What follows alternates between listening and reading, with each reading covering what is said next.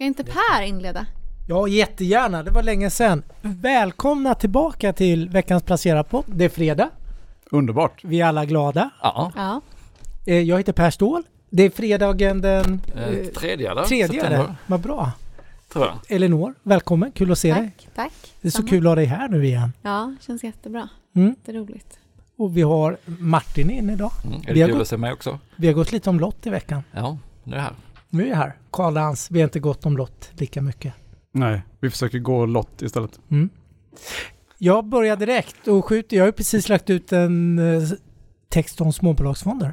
Och jag har ju redan fått massor med mejl. Den har legat ut en halvtimme tror jag. jag har fått. Vad, vad säger mejlen? Mejlen säger att det du har skrivit är så självklart. Och det här har jag vetat om i många, många år. Vad tror ni? Det Du skriver självklarheter alltså.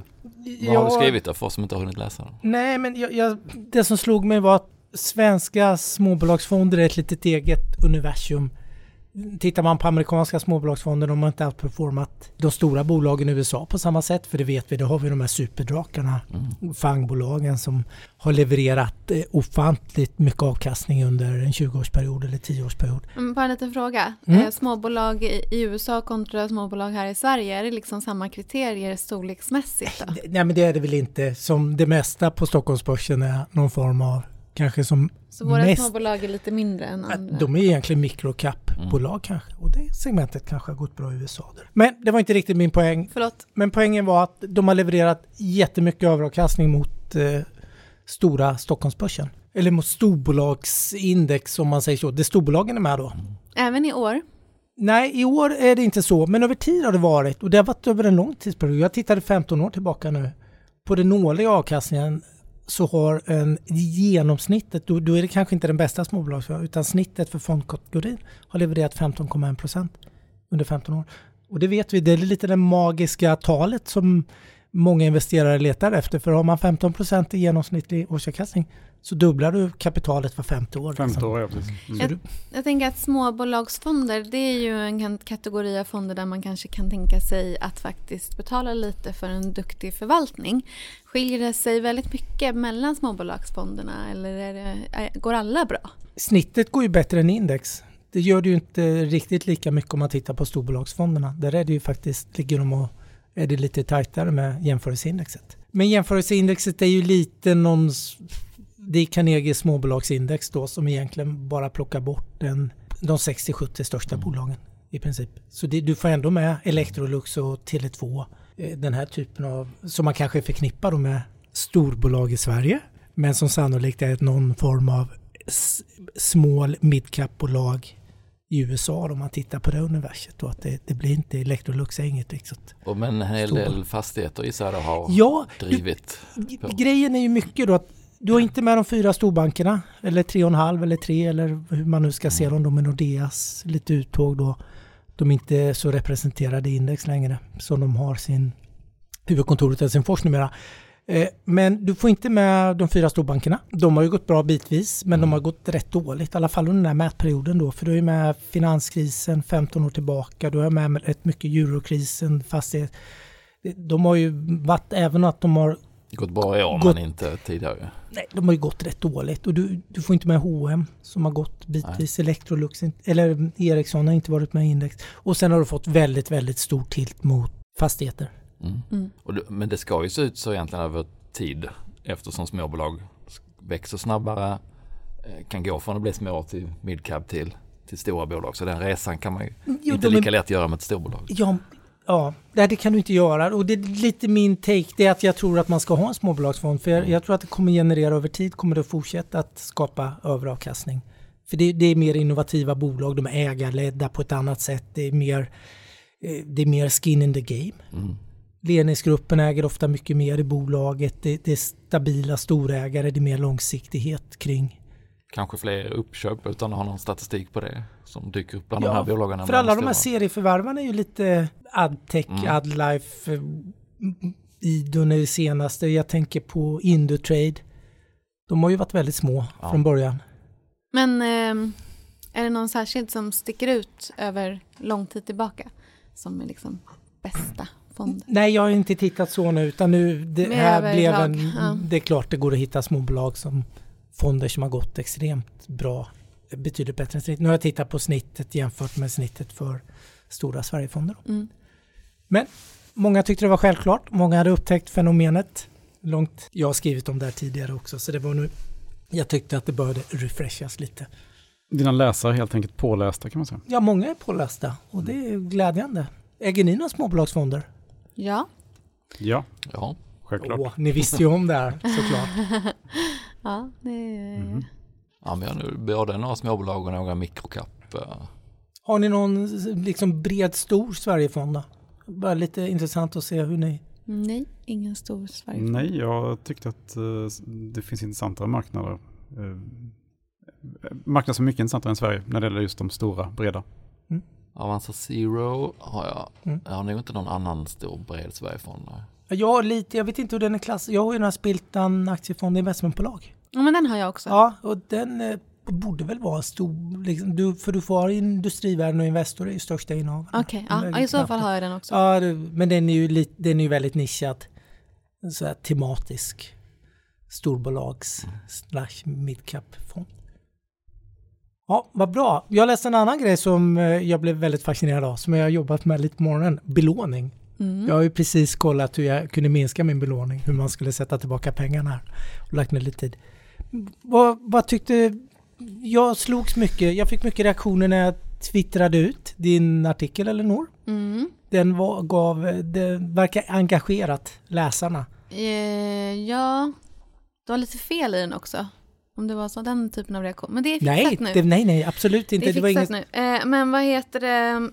Fort och fel blir det ibland. Eh, men eh, hur som helst, ja, alltså det här med att belåna sina aktier, det verkar vara en rätt känslig punkt för vissa. Som att det är liksom, ja men det är lite rött skynke. Och då, vi pratade ju om det lite i förra veckan. Och det var ju en teori om varför det kunde vara så. Eh, att många minns det glada 80-talet. Och att eh, vissa då, bland annat den kanske mest kända exemplet eh, är Erik Penser. Som ju gick fullkomligt i konkurs då. Ja, det kan man ju säga. Han eh, var jätte, jättehögt belånad och så gick det inte så bra. Men det gick väldigt bra under hela 80-talet. Ja, okej. Ja, men sen gick det mindre bra. Ja. Ja, och då, när saker och ting går dåligt då går det ju såklart jättemycket sämre när man är belånad och ju mer belånad det är desto sämre går det. Så enkelt är det. Men eh, det är också, man kan ju skilja på då att vara ganska tungt belånad och ha bara en liten belåning. Har man en liten belåning då behöver man aldrig eh, sälja aktier för att du blir för högt belånad i princip. Eh, jag tror att det är att om du har en 10% i belåning då måste aktierna gå ner nästan 88% eller något liknande. Om det är en aktie med högt belåningsvärde. Så det är, ehm, jag tycker att det är lite lätt att vara lite kategorisk här och säga att man inte ska belåna sig till att köpa aktier och så kanske man är belånad upp till taknocken i huset. Nej, det är absolut inte samma sak. Men eh, man får helt enkelt titta på lite vad det innebär. Sen är det ju så att på till exempel då både Avanza och Nordnet så kan du ju låna till väldigt, väldigt låg ränta. Beroende på hur hög belåningsgraden är. Såklart. Och beroende på hur din portfölj ser ut. Men har du liksom en diversifierad portfölj och har aktier med ganska låg risk så eh, då blir det liksom lite självreglerande ju också. Så märker man att man har hög ränta då kanske det blir liksom lite som ett eget varningssystem. Men såklart att man måste vara jätteförsiktig. Hur jobbar ni själva? Jag vet som sagt ni jobbar ju med belåning, Per och Karl. Ja, men självklart måste man ha belåning. Det är ju, skulle vara, allt annat skulle vara tjänstefel. Liksom. Eh, Carl vill ju göra ränteavdrag också. ja, tänker, det, kostar ju bara 70 procent. Exakt. Så att dels har du den förmånen eh, och sen eh, men om köper du stabila amerikanska techaktier så eh, med högt belåningsvärde så men det kommer ju ticka på tänker jag. Sen det är klart att du, det du ska se upp med då är att du ska inte vara ha för hög belåning helt enkelt utan kanske max ja, med runt 20 10-20 procent skulle jag säga. Om man, om man vill vara på den säkra sidan i alla fall. Mm. Men höjer du och sänker du belåningen över... eh, Vi har pratat en del nu. Ja, det att blir ju så per automatik när värdet på aktieportföljen stiger. Ja, det, det. det är också självreglerande ju. Ja. Och likadant, du får utdelningar, man liksom, helt plötsligt så, så, så ser man, ja men nu har jag ingen belåning längre. Det, så, ja, det där är, för det är ju så det funkar, du behöver ju inte aktivt det liksom Ja, eller procentandelen minskar ju hela om, om Ja. värdet stiger på portföljen. Ja, precis. Mm. Och du försökte minska nu, varför tänkte du så då? Nej, men jag, lå- jag, är ju- jag hade ju något konstigt optionslösen i veckan och det var tvungen att finnas Ah, ja. pengar på kontot. Alltså i alla fall mm, synligt på något sätt. Som, ja, så nu har jag tagit tillbaka dem för att minska, för att minska skuldsättningen lite.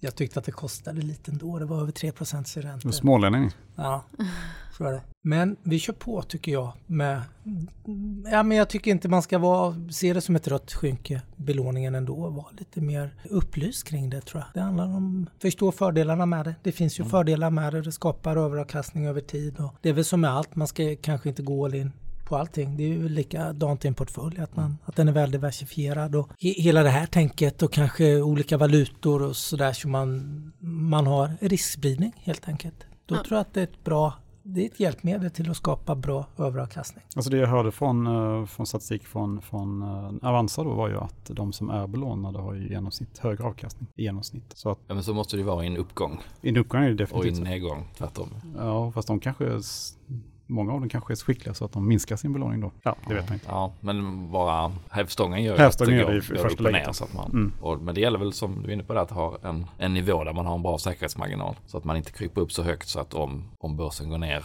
lite mer än man hade trott så tvingas man att sälja. För det är det man, är det man inte vill. Man vill ju inte sitta i en situation där man inte kan bestämma sitt eget öde. Nej, det är då man vill köpa ju. Ja, då måste köpa och då måste man ha Och lite, då vill man belåna sig ännu mer i sådana lägen. utrymme kvar. Så um, ett eh, ganska, eller ett väldigt bra verktyg kan man väl säga i rätt händer. Men det kan ju också gå jättefel. Men så länge man håller sig till låg ränta och har en låg belåning så så, Så behöver man inte vara orolig i alla fall. Nej, så- sen är det ju upp till var och en också förstås. Ja, men det är det. Man gör.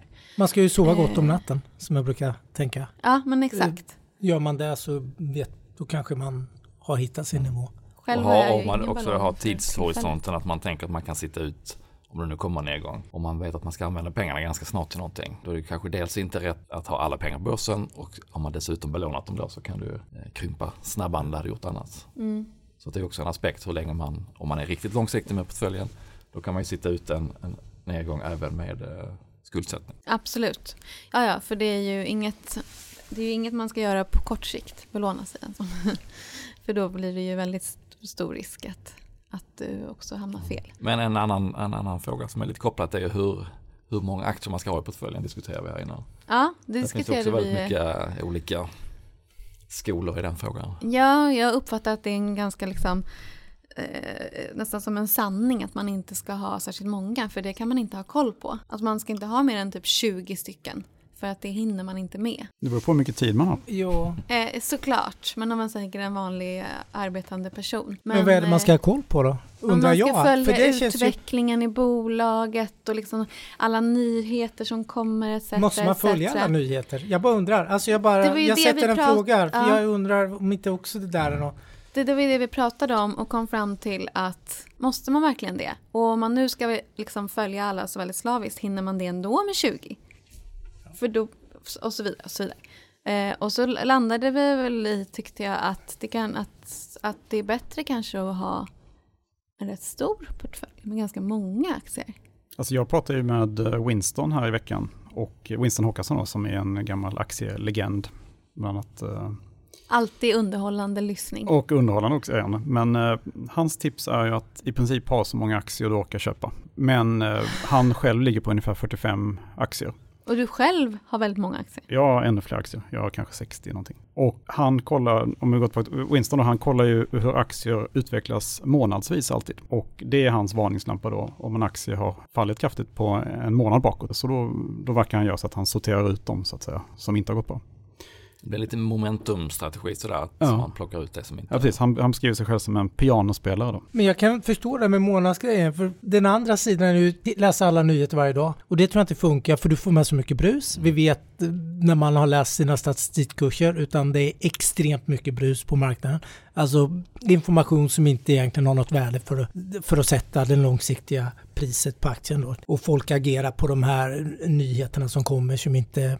har så stor påverkan egentligen på bolagets strategi på lång sikt och så vidare. Det här är väl ett sätt, antar jag, för att komma förbi bruset och titta Precis. lite månadsvis och inte sitta Mer fast. Mer kvantitativt? Att man ja, liksom... eller ta bort. Jag läser ju inte särskilt mycket mm. nyheter, det som händer idag, Nej. på bolagen för att det, det blir för mycket overload i min lilla skalle på något sätt. Men sen är det väl inte så, det är ju inte så att en, att det finns ett, ett en rätt strategi Nej. som alla borde använda. Utan det, det har, alltså om man tittar på Buffett var ju ganska mycket inne på att ha få bolag och kunna dem väldigt väl och sen sitta ha sitt fläsk och sitta länge i dem. Medan eh, Peter Lynch som en annan legendarisk förvaltare hade ju jättemånga och och såg det som ett sätt att då hitta de här som kan bli 10 eller 100 dubblare. Och, och båda de är ju bland de mest framgångsrika någonsin så att det mm. finns ju liksom mm, motpoler som fungerar. Ja. Jag, jag, kan spinna på småbolagstemat jag var inne. Det finns ju småbolagsfonder som har över 100 innehav. Alltså det är, de har mindre än en procent i genomsnitt i varje mm. innehav då, rent mm. matematiskt. Till de småbolagsförvaltarna som har extremt koncentrerade, kanske ligger på 20-25 innehav bara. Mm. Och har väldigt stora mm. positioner i de största innehaven. Att de tre, fyra största innehaven är kanske närmare en tredjedel av fondens värde då. Så det finns helt olika strategier. Eh, båda är jätteframgångsrika avkastningsmässigt. Du får avkastningskurvor som är, de är ganska lika varandra mm. över en lång tidsperiod. Då. Det, Men det borde vara mer volatilt än om du har Ja, i teorin två bolag. ska det ju vara. Ja, ja. visst är det så rent. Så borde få mycket jämnare utveckling ju fler bolag du har. Och jag tänker att om man nu inte är någon, något proffs Mm. Om man nu bara är en helt vanlig aktieintresserad aktiesparare eh, tänker jag att då torde det väl vara bättre att ha kanske ofta flera. Mm, men samtidigt kräver det ju att du är intresserad om du köper många aktier. Mm. Så det är lite dilemmat då. Mm. Och då är det, hamnar du egentligen eh, tillbaka till att du ska äga fonder kanske. Eller ETF. Ja. Eller om du är en hybrid, så att du lägger halva portföljen i en eh, bred fond, en indexfond och så lägger du halva i egna aktier. Då får du en stor spridning men du får också ett antal bolag som du kanske vill följa lite noggrannare och, mm. och få lite mer uppsida då om det händer något stort i dem.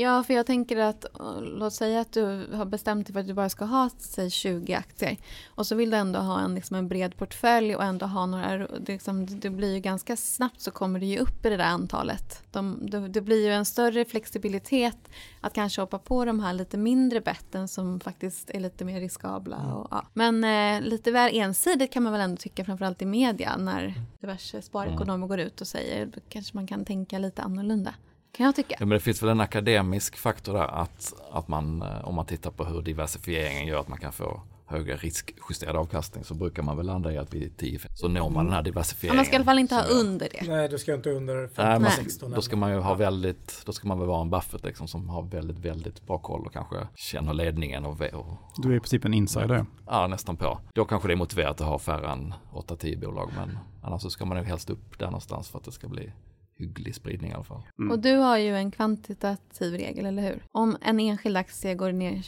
Alltså jag har lite, i och med att jag har så många aktier så um, ibland händer det att aktier skenar lite grann. Ja. När en aktie skenar då. det Varför händer det aldrig för mig? det kan skena neråt för också. För Ja, det kan skena neråt också. Ja, Men när den då skenar, skenar uppåt så har jag en liten regel att om den sen börjar falla från de här väldigt höga nivåerna då, då får den max falla 20% från toppen. Då åker den ut. Då, då klipper du helt och hållet? Då eller klipper helt och hållet. en del? Ja. Ja. Och så, alltså, De om, som har sådana här lite mer paraboliskt. Ja, det finns ju sådana ibland. Det kommer ju, jag hade ju ihäng då som eh, kinesiska flygande bilar som steg väldigt kraftigt. Och när den började falla då så tänkte jag att det här kom, eh, då är det bäst att ta hem vinsten helt enkelt. Du gjorde det Palantir, för det kom Palantir in, det kom in samtidigt. Den gick som en raket, den gick 200 procent på några månader. Ja. Du tog hem, jag sitter kvar nu upp 70-75 nu från när jag gick in. Ja. Så den har gått ner från 200% avkastning till ja. 75. Jag har tappat rätt mycket. Så jag är ju mer, jag, jag är ju lite långsiktigare än dig. Kanske lite för långsiktig då, uppenbarligen. Men jag har ju bara ägt den här åtta månader. Alltså jag för mig att man, eh, den IPO-ades väl i, precis det var väl i höstas den IPO-ades, förra hösten. Oktober, november. Ja, och den gick att köpa för 10 dollar. Eh, och sen steg den ju snabbt till 20 och sen snabbt gick den upp till 40 dollar 40, för mig. Jag kommer ihåg. Och där någonstans sålde jag. Ja, så du är ju uh. lite mer disciplinerad. Du ser, jag har ju tappat massor med avkastning på att vara mindre disciplinerad. Ja. Så jag håller på att lära mig. Jag lär mig av min kollega det är så trevligt Ja, det att vara på jobbet. Och det är ständigt ett lärande. Fast det kräver mycket tid också det där. Det kräver ju att du följer det också liksom. Jo, men jag, till och med jag kunde ju se att den var upp så För mycket, mycket, liksom. på Mm. extremt kort tid. Men det var det att det skulle vara, det var lösen också, att folk Jo, fick det sälja sina aktier Det var också. optionslösen, Mm. det var massor med, ja jag vet. Men då måste man vara rätt disciplinerad för det är lätt annars att tänka att, att ja, men jag är ändå så mycket plus och den kommer vända snart. eh, Om, om man ska gå ut när det är 20% ner efter en stor uppgång. Ja, det måste man ju vara. Ja det, ja, det, ja, det var svårare faktiskt. Men Palantir tyckte jag kändes lite så här, det här, är- det här var självklart, tyckte jag nästan att den hade gått för mycket liksom. Mm. För det var så oerhört hypat bland småsparare. Liksom. Och sen visste jag då att George Soros skulle sälja, alla visste ju de här datumen liksom. Jo, I mars eller sådär. Men då, så, så du sålde inte på, på toppen då? jo, du- just Palantir lyckades faktiskt sälja på Okej, toppen. du gjorde det. Ja, Ja, då väntade du inte på den här Mm. 20-procentiga nedgången. Nej, för jag tänker annars är det rätt att man säljer av för tidigt. Ja. Snarare Nej, det men som det är problemet. Och jag sålde inte av då för att förstärka min dumhet och min okunskap. Då på Men, något sätt. men jag får, Ja, väl, jag får jag- väl lägga till här då att jag, jag gillar ju Palantir väldigt mycket. Så att det är ju en aktie jag kommer att köpa tillbaka någon gång. När jag tycker att det är rimligt igen. Mm. Så att det, det, är inget, det är inget, eh, hade jag varit som du så skulle jag inte, jag skulle inte sålt den nu säkert. Nej, den här tänkte jag äga Nej. länge. Det ska ju bli nästa Microsoft. Microsoft ja. Mm. Mm. Har vi fått lära oss av Peter Thiel. Mm. Men ibland kommer det sådana och då, då kan det vara läge att, att släppa dem helt enkelt. Jag håller med. Jag vill bara förstärka att du tänker rätt. Känner jag som har tänkt fel innan. Men det är lite, om man ska bli lite, kanske lite mer filosofiskt då, det är ju ständigt ett, ett lärande med investeringar. Man, man lär sig något. Jag har lärt mig mycket av Carl nu fast jag köpte mina första aktier 87. Mm, På något sätt så man lär sig om sig själv och hur man agerar och man får intryck av andra hur man kan agera på i vissa situationer som B- bara en parentes, Vad, vilken var din första aktie på? min för, mina första aktier till Det var inte Fermenta eller? Nej, jo det var det ju. Jag, det var Fermenta. Eh, jag fick Fermenta i julklapp, det var så allt började. Jaha. Det Så- började med Refat El Sayed alltså. Ja, det började med Refat El Sayed. Till våra unga lyssnare kan vi säga att det finns en P3-dokumentär om Fermenta. Ja, Man men lyssna på den. Mm. Han bodde i Rinkeby högst upp och blev årets svensk. Det Sen var gick, också 19, sen, gick, 1986 va? Mm. sen gick det ut för tyvärr. Men det, jag börjar med det. Mm. Sen var det SCA, AGA och Handelsbanken var mina första köp. Det låter stabilt. Och- Stabilare. Och Beijer Capital, Anders Mm. Wall var het. Det var också eh, bra bett på lång Så sikt. det var lite kul och jag ser Anders Walls son ganska ofta så det är lite kul, det brukar jag tänka på. Hans pappas bolag, det var mitt första. Han, han gjorde stort intryck på mig i slutet på 80-talet. Så är det, lite finanshistoria, Mm. lite filosofi. Mm. Men man lär sig ständigt tycker jag, det var lite min poäng. Ja just det, ja men jag tänkte nu, augusti månad är till ända. Det, det var en väldigt svag månad för Stockholmsbörsen. Ja, men ändå lite, lite på plus. Så, Var den där? För tittar du på OMXS30 så var det ner lite. så var det nog minus 06, på OMX30 07, och plus lite- på OMX PI, det breda indexet. Och småbolagen gick ganska bra faktiskt. Ja, för att knipp. Men nu vill du prata storbolag, för där har värderingen gått ner lite antar jag. precis. Jag, jag tittade lite på OMX30-bolagen just då och tittade på hur har P-talen utvecklats i år och jämförde det med hur har kurserna gått i år och hur har vinstprognoserna gått i år. För nu har vinstprognoserna börjat slå igenom efter rapportperioden. Mm. Nu är det upp, nu är det färska siffror eller Precis. uppdaterade Men, och vill man se hela listan så kan man gå in Mm. på och placera dem. Men det som jag tyckte stack ut som extra intressant på den här listan var eh, framförallt Electrolux som, som då har fått, jag ska titta på listan så jag får rätt siffra. De har P-tal strax under 12 vilket är en nedgång från 13,5 ungefär vid årsskiftet. Så en, en rejäl nedgång i P-talet. Eh, samtidigt som vinstprognosen har skruvats upp med 33 procent i år. Så de har blivit rejält billigare och kortsiktig trigger där skulle också kunna vara att de har en eh, extra utdelning i oktober på 17 kronor per aktie som de har, har eh, klubbat nyligen. Så att den aktien tycker jag ser lite eh, intressant ut kortsiktigt. Dels för att de då har fått, fått en billigare värdering och för att man har den här extra utdelningen på gång. Anledningen tror jag att de har tryckts ner lite är ju att man, man tror kanske att den här, det här året blir lite topp och sen så går det ner lite nästa år. De kan inte riktigt hålla de här marginalerna. Det blir stålprishöjningar och plastprishöjningar som trycker ner marginalen lite. Men skulle prognoserna vara lite för försiktiga, även om de då har skruvats upp för det här året ganska mycket, så skulle Electrolux kunna vara ett intressant kortsiktigt case. Jag tyckte det var det som stack ut mest på den här listan, men även SKF, Volvo och en del av de här cykliska bolagen då har, har investerarna faktiskt plockat ner P-talet på genom att, att vinstprognoserna har gått upp mer än vad aktierna har stigit i år. Och det har väl lite att göra med chips, chipsfrågan där det är brist på halvledare som, som trycker ner hela bilindustrins produktion nu. Så både Volvo och SKF har Det, exporterat. det är samma i Traton också va? Ja, Traton väl Traton samma. också, precis. Mm, också. Och alla underleverantörer Mm. är också... Ja, det är hela kedjan tänker jag på Mm. blir... Precis, vi har sett här i veckan nästan alla stora biltillverkare och lastbilstillverkare också som har varit ute och flaggat för att man kommer att pausa produktion eh, och det slår ju igenom på deras underleverantörer. Det kan ju bli en stökig, några stökiga månader för fordonsbranschen, vilket väl bidrar då till att, att just eh, SKF och Volvo är, ser ganska billiga ut faktiskt. Äger ni fordon? Jag äger Traton. Ja, jag äger Traton också. Ja, Volvo. Jag har Volkswagen. Men Traton har ju toppat i somras någon De gång. verkar ha toppat det. Ja, Mm. eller toppat för Men Mm. du är helt rätt. Men de, är, de ser ju fortfarande otroligt billiga ut men det är ju lite speciell situation där med ganska liten free float och alla Jo. tycker de är billiga men inga stora förvaltare kan väl riktigt eh, köpa så mycket som de vill.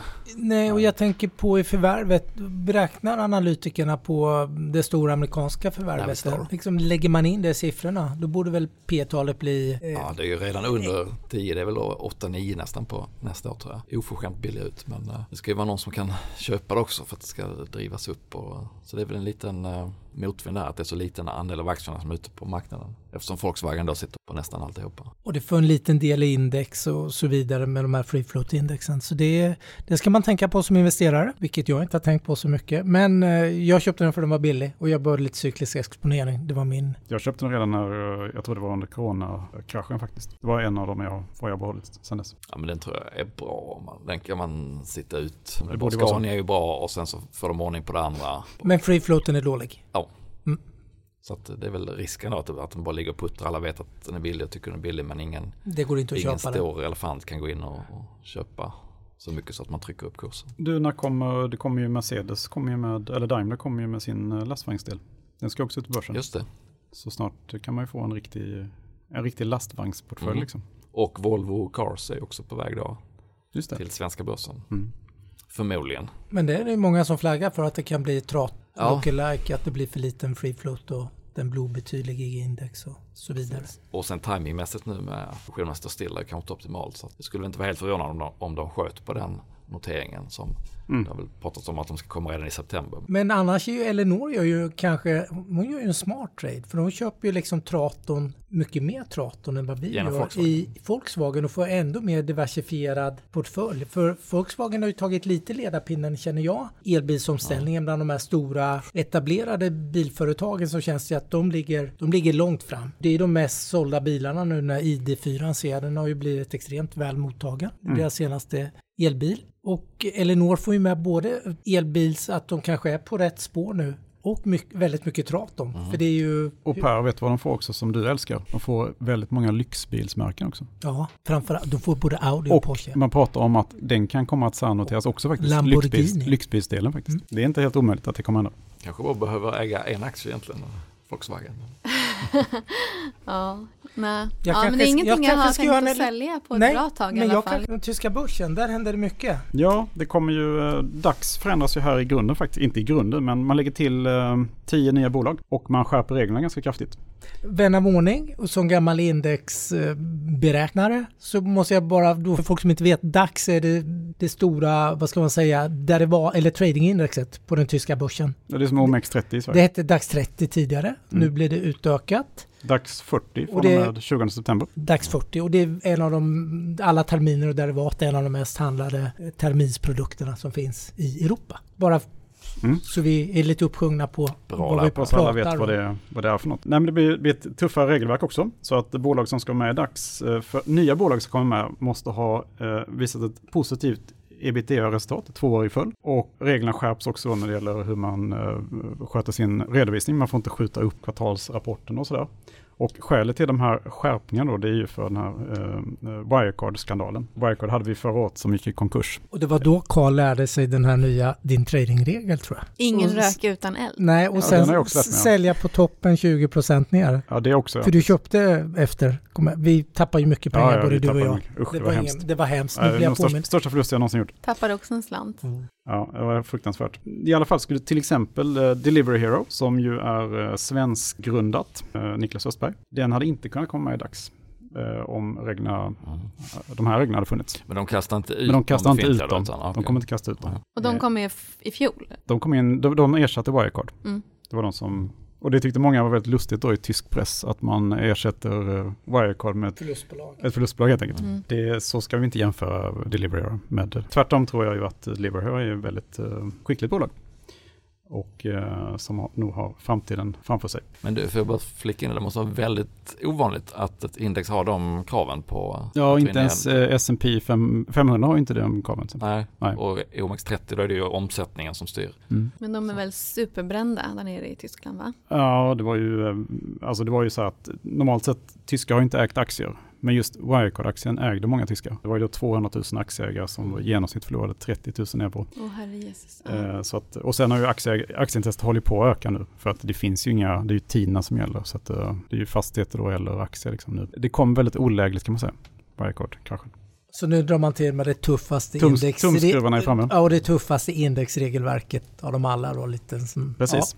Och, eh, men i alla fall de här nya bolagen som kommer in då. Det bestäms faktiskt ikväll vilka som ska komma in. Men de mest troliga då, det som är helt säkra det är ju att Airbus kommer att komma in. Världens största flygplanstillverkare. De är ju egentligen eh, primärnoterade då i eh, Paris faktiskt. Men de är sekundärnoterade på DAX. Mm. På MDAX är de just nu då. De kommer komma in. Och eh, Zalando som väldigt många svenskar äger eftersom Kinnevik delade ut dem. De är givna. Siemens Healthineers som du har skrivit om vet jag. Åh, de har jag. Jag äger dem. De är jätte... Hello Fresh, som jag vet, är, den har väldigt bra, väldigt fin uh, aktiekurva, väldigt bra tillväxt. Det, det är sådana mat eh, med recept och sånt där. Så de, Hemleverans. hemleveranser. Den ska vi nog testa faktiskt. Ja, det verkar som väldigt många håller på att testa den och som verkar nöjda också. Och sen såg jag att de expanderar till Japan nu, eh, här, här förleden. Den kommer in och eh, ett av världens största aromspecialistbolag, Sunrise, kommer att komma in. Det är ganska intressant, de är världsledande på eh, vaniljsmak. så att eh, de köper då eh, så här, 90% av, av skör- vaniljskörden på Madagaskar till exempel. Alltså, de, de är både specialister på naturlig vaniljarom och på konstgjord vaniljarom. Vad är det till glass eller vad säljer Till man glass det? och allt möjligt. Du, vanilj finns väl i allt möjligt. allt möjligt. Müsli. Ja. Men de har massa andra smaker. Men, men just vanilj är en sån nisch som de är extra duktiga på. Porsche Holding, som ju faktiskt är typ Volkswagen. Sen är det kanske lite oklart. Eh, Brenntag, som är då en kemidistributör. Ett bolag som jag själv tycker är väldigt intressant är labbservicebolaget Sartorius. Det är, Ja, väl, det... det- är väl nästan Europas bästa aktie va? Om Ja. man mäter tio år bakåt. Men du, den är väl också... Den har lite liknande noteringsstruktur som Airbus. Ja, och den finns i Frankrike också. Den Precis. finns i Frankrike. Ja. Jag äger franska. Okej. Undrar om den kommer gå upp då? För jag tänker ofta blir det sån här indexeffekt Ja, att kurs... här borde För, ha, för nu ska du... eh, Du behöver köpa in det till massor med produkter som då är gjorda mot DAX 30, ska ut till DAX 40, så då måste du handla eh, Zalando och de här nya bolagen, vilket eh, ökar efterfrågan och trycker upp kursen i alla fall kortsiktigt. Kanske lite sent på bollen och, och går, på det redan, går på det nu eller? Mm. Man kan gissa att de har De gått redan. Att man redan har gått Ja. redan. Gått in precis. ja. Nej men Sartorius är ju en sån aktie som man um, skulle ha köpt och eh, som man kanske fortfarande ska köpa. Jag vet inte riktigt. Jag har inte, jag har inte Äger tittat. inte du den? Nej, tyvärr alltså. Det är jag som äger den. Ja, det är du som äger den. Ja, så. Grattis då. Men ja, eh, det är inte så, men jag bara... jag vet att Men jag framgångsrika, franska delen, jag vet inte varför jag köpte den på Parisbörsen. framgångsrika förvaltare har ju haft den. Men den har gett så här 25 000 procent på 10 år och sånt där. Alltså det är otroligt, otroligt uppgång. Puma är het kandidat. Sportskotillverkaren som ju eh, har bra tillväxt i Kina. Och den sista då eh, är hudvårdsspecialisten Bayersdorf som bland annat äger varumärket Nivea som nog många känner till. Mm. Det är de som eh, förmodligen kommer komma. Hur ser sektorfördelningen ut nu? Det lät som det var mycket nytt, eh, lite moderna, nya... Ja, jag tycker det var sektor- ganska bra, eh, bra blandning. Ja, det Ja. låter... Ja. Ja, men det är eh, den st- största aktien är ju SAP annars i DAX 30. Eh, eller vad? Och det lär det väl fortsätta vara. Mm. Sen är Allians väl stora. Sen vet jag faktiskt inte. Volkswagen. ja, lite biltillverkare får Ja. vi lite. Men det låter ju ändå som det var bra. Det är lite moderna, nya digitala bolag eller de här HelloFresh och... Ja, nej men det kan nog bli intressant. Jag tycker att det, det kommer ju vara ett lyft eh, för de som köper index i alla fall. Det här, mm, jämfört med DAX 30. Och lite på våra tema som vi hade. att Det blir lite fler bolag, lite Precis. mer riskspridning. Ja, exakt, exakt. Mm. Bara positivt egentligen. Men eh, speaking of Lufthansa så ser jag en intressant eh, enkät som Bloomberg hade gjort i veckan på flyget, på affärsflyget. Eh, väldigt ambitiöst, de hade pratat med en 40-50-tal riktigt stora multinationella bolag och förhört sig om hur de ser på hur de kommer att flyga efter pandemin. Och eh, om jag minns rätt så var det ungefär 85% som sa att de kommer att minska sitt flygande. Det är inte helt överraskande. Men de uppgav också ungefär hur mycket de skulle dra ner budgeten. Och de flesta låg mellan 20 och 40 procent. 30 var väl något slags eh, snitt hur mycket man skulle dra ner sitt flygande.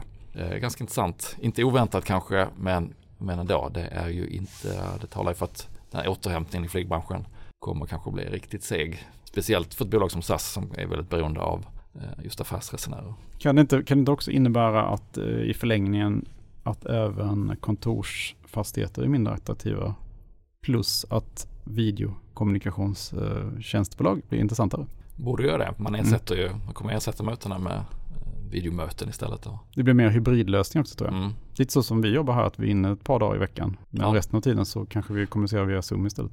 Men drabbar inte hotellen väldigt mycket? För jag tänker att hotell måndag till fredag är det extremt mycket. Mm. Jag, jag jobbar ju i veckorna. Jag bor ju inte på hotell måndag. Ja, fredag kanske jag checkar in. Torsdag om man är lite, gör långhelg. Men måndag till torsdag känns det ju som att det måste bara vara affärsresenärer mer eller mindre på hotellen då. Som då får se ytterligare då att där kommer man ju absolut inte tillbaka till nivåerna. Nej, det kommer säkert en spik upp här när, när man släpper på resandet igen. Men sen så kommer det ju då lägga sig, om man ska tro de här bolagen, på 30% lägre än, än tidigare. Mm. Jag tycker det låter rimligt faktiskt. Ja, För jag menar det är ju så här, ska man åka till London över dagen för att träffa en person liksom? Det är ju det är väl ingen som kommer att göra det i framtiden. Nej. Om Nej, och inte pratar man med om det inte är drottningen du ska träffa. Liksom. nej, och jag tycker pratar man med många av dem som har jobb där man reste mycket tidigare Mm. så är det inte av dem jag känner i alla fall. Så är det inte så många som säger att de drömmer om att återgå till samma frekvens. Nej. Utan gärna resa ibland men Ja. inte just de här dagliga, åka över dagen någonstans Nej. och sitta på möte två timmar och sen så gå sex till sju timmar på bara resande. Så. Nej. Och jag tror den här typen av resande som ibland kanske har varit som nästan som en liten förmån för de som jobbar. Det tror jag kommer försvinna ännu mer. Mm. Ja. För ju, För att det är inte någonting man kan förvänta sig längre. Det är liksom haft, den delen av kulturen har försvunnit på något vis. Mm. Så trög, trög återhämtning för flyget kan man nog, eh, Ja. ska man nog vara inställd på. däremot Och hotellen. där, däremot Och tror jag inte det är det för uh, privatresenärer. Resandet däremot tror jag kommer att återhämta sig. Mm. Men Det är den är, ju, den är inte lika mycket veckorna. Nej, och det är inte samma Och jag känner pengar. med hotellen inte Nej, samma. Helt annan Ja, priskänslighet. det är helt annan pris och du åker kanske inte de här ja, mitt i veckorna på samma sätt. Du, en detalj här bara. Jag, jag läste faktiskt uh, Lufthansas eh, rapport här för några veckor sedan. Och det här med, apropå det, hur priskänsliga folk är. Det var det här med klimatkompensera flygresor. Och de sa att det är ju, eh, när det gäller, eh, du får en sån liten ruta du kan kryssa i liksom. Vill du klimatkompensera den här resan? En promille alltså, av eh, privatresenärer som kryssar i den här rutan. Medan det ungefär var lite dryg procent av affärsresenärer då som kryssade i den. Men då är det ju företagets pengar och Mm. då kanske det är en policy också att du måste göra det. Mm. Så att eh, folk är ju extremt priskänsliga då kan man säga. Det är lite roligt och sen när man är ute och jag tänker på fonder, där vill man ha, då ska de vara miljö, ESG och så vidare. Men när man väl... När du själv ska men betala för när det. man själv ute och reser kör man inte, det är lite dubbelmoral. Ja, visst. Eller det är mycket, inga, mycket och det är inga dubbelmoral. stora summor heller tror jag. Nej. Det är väl liksom en... Och de som är mer miljövänliga, de kanske inte reser lika mycket heller. Ja, de flyger kanske inte överhuvudtaget. de, de tar ju tåget sannolikt, eller reser inte alls. De som verkligen lever som de lär och på något sätt kan jag tänka mig. Intressant iakttagelse. Ja, Har ni nog gjort några affärer den här veckan? Det är lite lugnare, det är inte så mycket rapporter. Inga, nej jag har inte gjort någonting. Eh, Jag köpte faktiskt Sandvik. Åh, För att du hade härligt. skrivit. Eh, för det är ett sånt där bolag som jag ändå har haft lite så här i åtanke rätt länge. Eh, och sen så gick de, jag kommer inte ihåg vad det var. Det var något som fick dem att bara liksom gå ner. Jag har hoppat lite upp och ner. Jag vet inte om det är kanske lite med hela den här uh, chip-frågan. De är ju Ja, ganska men- fordonsexponerade. Ja, jag tror inte att det var det. Det var något annat som liksom... Finanschefen slutade i veckan. Ja, ja, någonting. Då passade jag i alla fall kanske. på. Tänkte att ja, det här var mitt tecken från ovan att jag skulle slå till. Mm. Dippköp. Spännande. Det var inte sån här En liten dippköp. liten dipp. ja, men det är väl det. det kanske, nästa vecka kanske det blir lite roligare tror jag. Mm. Ja, jag, har, eh, jag gjorde ett ganska stort dippköp i, eh, vi pratade om Zoom. Ja. Den föll rätt mycket på rapporten faktiskt, 15%. Så att jag köpte den. Jag har tänkt länge att jag vill äga dem. För att eh, någonting du eh, nästan använder varje dag brukar vara bra i längden. Mm. Så att jag har gått in i Zoom första gången. Sen har jag köpt WalkMe som också hade en dipp. Det är då ett israeliskt eh, techbolag som hjälper företag med sina eh, IT-investeringar kan man, göra, eh, kan man säga. Eh, och det kommer behövas för att det kommer vara en stor del av kostnaderna framöver. Ökat till Zendesk som är Pers baby. Mm. Och jag har ju sålt min Sendes Du har sålt. förra du har veckan. sålt din Ja. baby. Mm. Det var inte inte bra ju. Nej. Nej. Det var dumt. Ja, men jag tror långsiktigt är den bra. Sen har jag ökat i Mac McAfee också, IT-säkerhetsbolaget. Eh, Jag har ökat i Domo som också då är eh, för marknadsförare. Att de ska hålla koll på eh, ja, vad kunderna vill ha helt enkelt. Och sen har jag gjort en uh, dippköp i Alibaba också. Den är jag mest uh, rädd för kanske. Men, uh, men vi får se. Det är ett litet försök att gå in i Kina igen. Mm. Det som vi pratade om förra veckan. Varför köpte du inte Prosus? Då gör man ju ett litet ten, stort Tencent. Den har gått hyfsat den. De har gått ungefär samma tror jag. Mm. Ja, jag bara... Nej men jag tänkte att jag tänker att den är lite spretig och sådär. Och Alibaba får jag mer sådär rakt av Amazon fast i Kina. Och det är ingen annan som kommer kunna ta den marknaden. Liksom. Att, förutom staten då? Förutom kinesiska staten då ja. Nu kom det precis att de var tvungna att skänka bort. Ja, hur känns det som aktieägare? skänka bort pengar. Fem, 15 miljarder dollar har ni skänkt bort. Nej men det är väl eh, fint av dem. Att de får att de ger bort pengar. Stötta landsbygden och sådär liksom. Ska de göra. Nej vi får se om det tar slut här. Vi hoppas på det. Annars får jag väl uh, ge den, jag får, det får ju max gå ner 20% då. Eller så får du köpa mer. Eller så får jag köpa mer ja. Du då Per? Nej, jag har inte gjort någonting. Ingenting. Jag kanske ska sälja Traton. Kommer jag på Asså. Under. Och köpa Volkswagen istället. Jag har också funderat på det. Mm. Ja. Men samtidigt är den ju så billig liksom. Jo, men det finns ju en anledning varför den är billig. Jo, jag och jag tror att det, det, har vi pratat om. Det är, alltså det är ingen som kan handla för likviditeten är obefintlig. Mm. Risk, risken är ju att det går sidledes och sen så på väldigt kort tid så kommer den här uppvärderingen och då hinner man inte tillbaka. Ja, exakt. Men det, ja, man kan ju inte vara med på allt. Men du kommer ni ihåg Scania-aktien var ju också så länge. Ja. Att det inte var någon likviditet i den. Det var inte, den, var, den var inte så rolig men till slut kommer det ju liksom 45 procent mm. på en dag. Men ja, även om man äger 50 aktier, man kan inte äga hur många Nej. som helst. Nej, att, jag måste göra ett visst urval. Eller? Ja. Dags att ta helg. Ja, det gör vi. Tack så mycket. Tack. Tack, trevlig helg. hej.